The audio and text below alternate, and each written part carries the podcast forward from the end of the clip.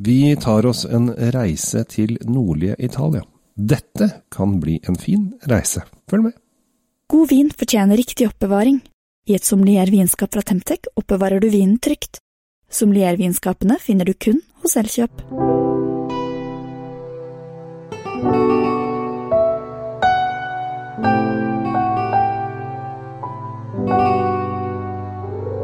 Hei og hjertelig velkommen til dagens episode.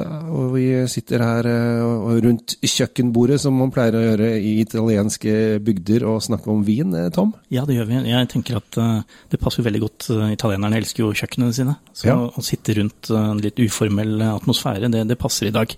Og vi er jo to uformelle fyrer også, så det passer veldig fint. Og vi skal til eh, kanskje jeg, jeg vil si at det kanskje er den litt sånn glemte delen av eh, Piemonte. Eller en av de små, litt sånn kanskje ukjente også. Skjønner du hvor jeg vil? Ja, så vi skal først til Piemonte. Ja. Det må vi jo bare si. Og så Og det er veldig kjent. Ja.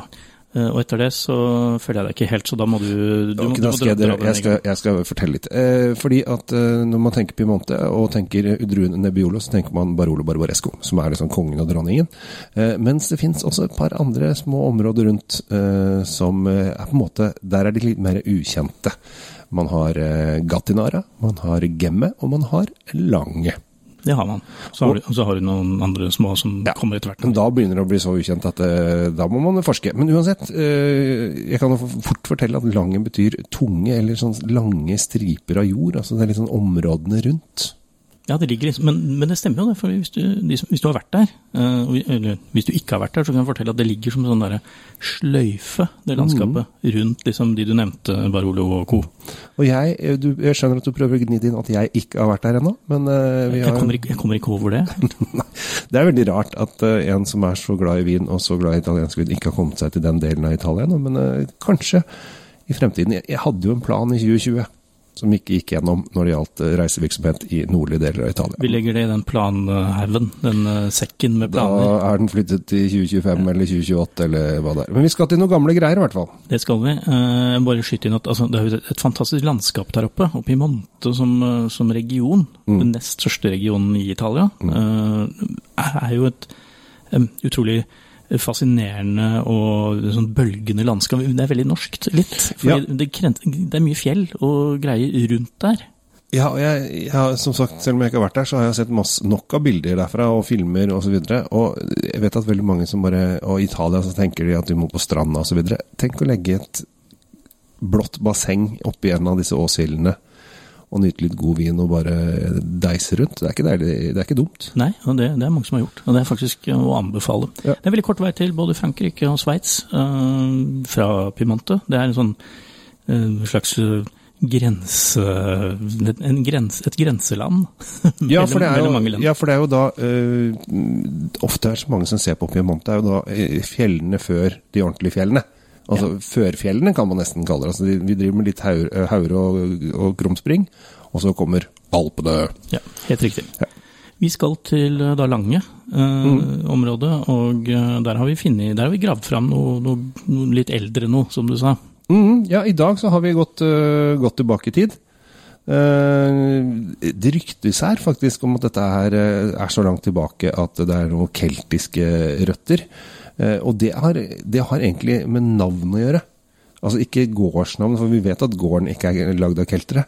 Men eh, kar, som da i caretta, som vi skal smake på i dag, er eh, stein eh, på keltisk.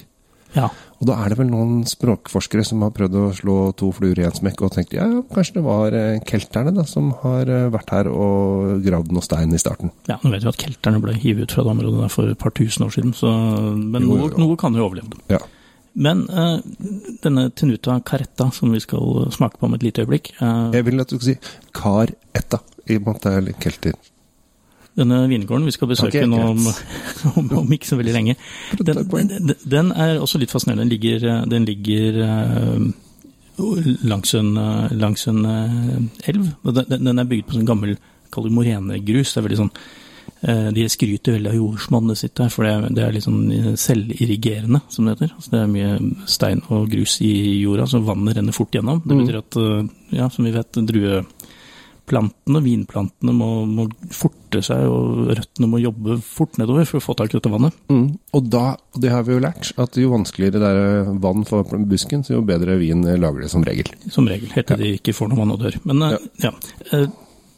Det som også er litt kult med det her, som de også skryter av veldig eh, fra Tunuta Careta, Careta er eh, at de ligger liksom i en sånn type amfiteater, så de samler opp veldig mye sol.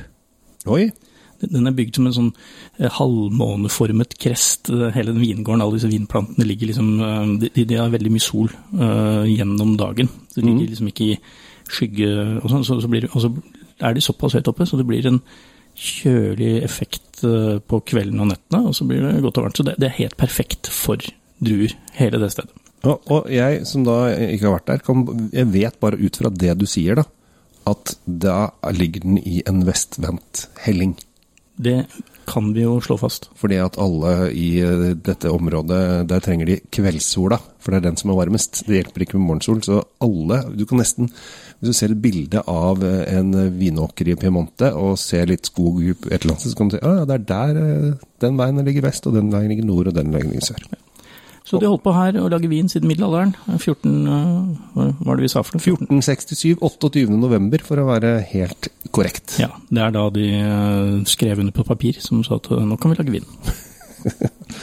Tror du det var sånn der, eh, at det var en sånn formell greie? Altså, eller var det sånn derre ja, ja, vær så god. Nei, jeg tror det kom folk i sånne posebukser og snabelsko og klippet, ja, det det. klippet noen snorer ja. og var sikkert Bare det å bruke papir kosta sikkert en formue. Det er liksom ikke, det var ikke noe sånn e-mail-klikk-klikk. Jeg, jeg, åpner den mens du prater. Nei, ja, åpne i vei. Oi, det er skrukork, det glemte vi å si, men det er, jo, eh, det er jo tross alt Vi sitter rundt kjøkkenbordet, og dette er jo en bordvin. Vil jeg eh, karakterisere den som. Ja, og øh, ja, det jeg syns er litt gøy Jeg hadde en øh, en smaking her på Facebook-gruppa mi som ikke for altfor lenge siden, der jeg var veldig var litt som Barolo Barbarescoer. Og så var det en gammel skolekamerat som tok kontakt med meg og sa sånn du, kan du, ikke, kan du ikke også snakke litt om, eh, om de litt rimeligere Nebbioloene? Og hva er det vi driver på med, da? Vi snakker om det rimeligere Nebbioloene. Så jeg må ja. si ifra til han og be han høre på denne episoden her. Fordi at det er jo det som er litt kult. For Nebiolo blir jo da, er, som jeg var kjapt innom, uh, Barolo Barbaresso, altså kongen og dronninga og, og så videre, eller kronprinsen, hvordan man ser på det.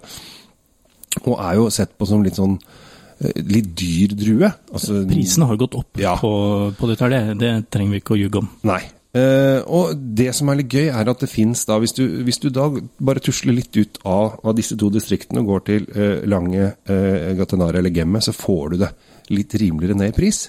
Og får også veldig, veldig kule uh, viner som på en måte har den samme Nebbiolo-druen som veldig mange er veldig glad i. Og Nebbiolo-drue er jo da kjøttvin. Ja, mye. altså Den, den gjenspeiler jo den normale bondekosten oppe i fjellheimen, og der er det jo en del Ja, det er kjøttbasert, og det, det, den går veld, faktisk veldig godt i spekmat. Ja, det... Og, det og det tror jeg denne her gjør han. Jeg lukter på den. Ja, jeg har bare akkurat uh, dratt uh, nesegrevet mitt borti glasstusten her, så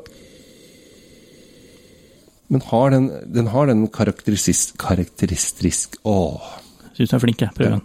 Karakteristiske å, der gikk det kommen, gitt! Da er det sånn, eh, nå, hvis jeg skal prøve en gang til, så går det ikke. Men uh, den har litt uh, karakteristiske, uh, typiske Nebbiolo-lukten. Altså det er krydder, mørke røde bær, litt syrlig friskhet i seg. Det kommer, det kommer mye blomster her. Mm. litt sånn litt blåaktige, fiolaktige blomster. Og så er det jo denne ja, lett hint av vanilje, for denne har blitt behandla på, på, fat nå i et års tid, før den ble lagt på flasker. Du smakte først. Jeg smakte først. Jeg er, jeg er sånn å si gjest, i måte vi sitter på ditt uh, kjøkkenbord. Den har um, Ja, den har litt uh, Litt av den vanilje Jeg syns egentlig ganske tydelig vanilje òg, når, når det kommer til stykket.